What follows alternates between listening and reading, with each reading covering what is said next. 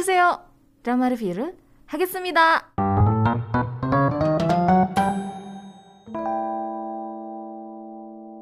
Oke, sebelum aku bahas variety show, aku mau bahas K-drama dulu ya, yang aku bilang dark banget dari sisi sinematografi ataupun alur cerita ya. Drama ini tuh judulnya Hometown, didirect oleh Park Hyun Suk yang pernah mendirect drama Stranger season yang kedua, kemudian Uncontrollably Fond, sama Spy.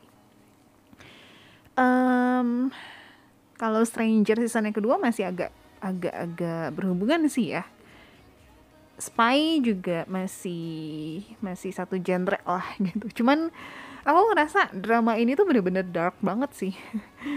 Writernya adalah Jujin ya. Terus networknya itu di TVN tapi kalau misalnya pendengar pengen nonton itu tersedia di Viu di ICE dan juga di WTV cuman memang harus uh, premium harus langganan baru bisa nonton. Mungkin season eh season. Episode 1 sama 2 dibuka kali ya untuk free ya. Sisanya tuh harus harus premium gitu. Atau episode-episode yang baru ya aku lupa. Pokoknya ada yang harus premium aja di antara tiga ini tuh. Lupa di episode yang keberapanya. Oke, total jumlah episode itu ada 12 ya. Release date-nya tuh tanggal 22 September sampai 28 Oktober. Runtime-nya setiap hari Rabu dan Kamis jam setengah 11 waktu Korea. Genre-nya itu misteri dan juga thriller. Nah, kita bahas pemeran-pemerannya dulu ya. Pemeran yang pertama ada Yu Jae Myung yang berperan sebagai Choi Hyung In. Kita lihat dulu track record dari Yu Jae Myung. Ini tuh salah satu aktor senior yang cukup sering juga di di apa ya, yang sering muncul gitu di movie ataupun di drama ya. Untuk drama dia mulai di tahun 2000 Bentar, salah. ya betul, 2011 ya dengan Living Among the Rich. Dia ini pernah muncul di drama uh, Miseng tapi cuma episode 16 aja. Good Doctor juga, tapi episode 15 doang. Um, Reply 1988, terus Jealousy Incarnate ya. Orang Strong Woman Do Bong Sun, Stranger, Stranger yang pertama dan yang kedua, tapi yang kedua cuma muncul di bagian akhir doang. Terus dia ada di Prison Playbook, jadi pengacaranya uh, Kim Jae Hyuk atau Park Hae Soo yang di sana ya. Terus ada di uh, My Fellow Citizen, Itaewon Class, Vincenzo, Times, Hospital Playlist juga dia muncul di season yang kedua jadi salah satu dokter. Oke, jadi cukup sering dilihat di layar kaca maupun di layar lebar ya. Untuk layar lebar juga banyak banget sih. Ini dia mulai untuk movie itu di tahun 2001 dengan judulnya adalah The Last Witness. Um, untuk movie, movie yang pernah aku tonton yang ada dianya VIP. Terus apa lagi ya? Uh, the Gangster, The Cop, The Devil. Terus um, Kingmaker Voice of Silence. Udah sih kayaknya itu yang pernah aku tonton. Sisanya aku nggak pernah nontonin uh, movie-nya dia. Tapi banyak banget ya. Bahkan di tahun 2021 ini pun dia main di movie yang judulnya Alien. Di tahun 2022 nanti dia akan main di movie yang berjudul Land of Happiness. Itu yang pertama ya. Yang pertama jadi ada Yu Jae Myung yang berperan sebagai Choi Hyung In yang kedua adalah Han Yeri yang berperan sebagai Jo Jung Hyun. Han Yeri ini hmm, juga sudah cukup sering muncul di layar kaca maupun di layar lebar. Di drama dia memulai di tahun 2010 dengan Road Number One. Terus untuk drama yang pernah aku tonton Knock the Flower. Uh, at Your Service tapi cuman ada di episode 3 dan 6 Terus dia ada di Hello My Twenties. Hmm, untuk movie, movie dia mulai di tahun 2009 ya dengan judulnya adalah Let the Blue River Run. Terus dia pernah ada di movie The Hunt, A Quiet Dream. Terus mana lagi nih? Terakhir dia ada di Secret Zoo tapi cuma jadi cameo doang. Ini juga sebenarnya um, aku jarang jarang nontonin drama ataupun movie dia ya. Oke, berikutnya ada Um Tae-gu yang berperan sebagai Jo Kyung Ho. sungguh di sini tuh acting dia bagus banget oke okay, uh, Um Taegu ini terakhir main di movie yang berjudul Night in Paradise terus dia ada juga di A Taxi Driver veteran um, ini untuk movie ya Spellbound Terus untuk drama, dia terakhir drama itu main di tahun 2019, Save Me yang season yang kedua. Terus dia ada di Inspiring Generation. Terus ada di drama spesial uh, Perfect Spy sama Matchmaker's Lover. Tapi beneran di drama ini tuh dia beda banget. Oke. okay. Drama ini sebenarnya kan dramanya TVN ya. Tapi pas aku nonton tuh kayak berasa lagi nonton drama OCN kan kalau misalnya drama TVN tuh terkenal dengan uh, korban ya. Korbannya biasa kan lead yang jadi korban patah hatinya tuh dengan cara yang ekstrim gitu ya. Yang bikin kita para penonton jadi ikutan sedih juga ikutan patah hati juga gitu. Nah cuman yang ini tuh beda banget gitu.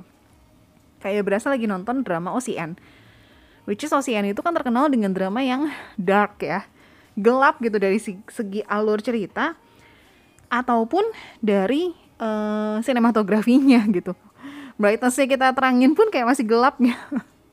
Ocean tuh terkenalnya kayak gitu. Nah, uh, kalau buat aku pribadi drama ini ya, drama Hometown ini tuh kayak bisa dibilang drama kedua yang dark selain drama Mouse ya. Mouse kemarin kan itu juga dark banget yang diperanin sama Isenggi. Itu juga gelap dari segi cerita maupun sinematografinya gitu. Um, dan thrillernya tuh ngeri banget ya. Mouse Knight itu nggak kalah ngerinya gitu. Nonton drama ini sebenarnya agak sedikit pusing. Karena alurnya tuh ada di masa sekarang terus ada flashbacknya juga. Jadi kita tuh nontonnya harus bener-bener merhatiin banget ya. Karena memang bener di awal-awal tuh pusing pusing karena harus uh, cari gitu. ini tuh lagi flashback atau ini di masa sekarang ya gitu. Jadi drama ini tuh berlatar tahun 1999 jadi di awal kita langsung disuguhkan dengan kisah serangan teroris yang menyerang sebuah stasiun menggunakan gas beracun. Dan di situ tuh banyak banget korban yang meninggal pada saat itu. Dan salah satunya adalah istri dari seorang detektif namanya Choi Hyung In. Long story short, pelaku gas beracun itu menyerahkan diri. Dia tuh namanya adalah Jo Kyung Ho. Jadi secara tiba-tiba dia nyerahin diri aja gitu. Uh, Jo Kyung Ho ini punya seorang ibu dan seorang adik plus seorang anak perempuan.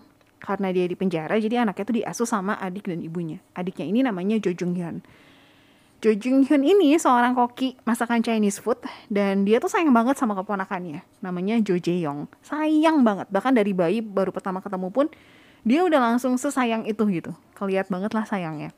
10 tahun kemudian, diceritakan terjadi pembunuhan di sebuah kota kecil. Jadi ada seorang perempuan yang ditemukan tewas di kamar mandi. Dia adalah seorang ibu sementara anaknya itu hilang gitu nggak tahu ke mana. Nah sebelum kejadian pembunuhan itu anaknya tuh sempat datang ke kantor polisi buat minta pertolongan. Jadi dia bilang sama polisi kalau di dalam rumahnya itu ada orang. Tapi mamahnya tuh kayak bersikeras nggak ada siapa-siapa gitu. Tapi dia tahu di dalam tuh ada orang. Cuman karena pada saat itu di kantor polisi juga lagi cukup hektik jadi si anak ini tuh uh, akhirnya keluar gitu.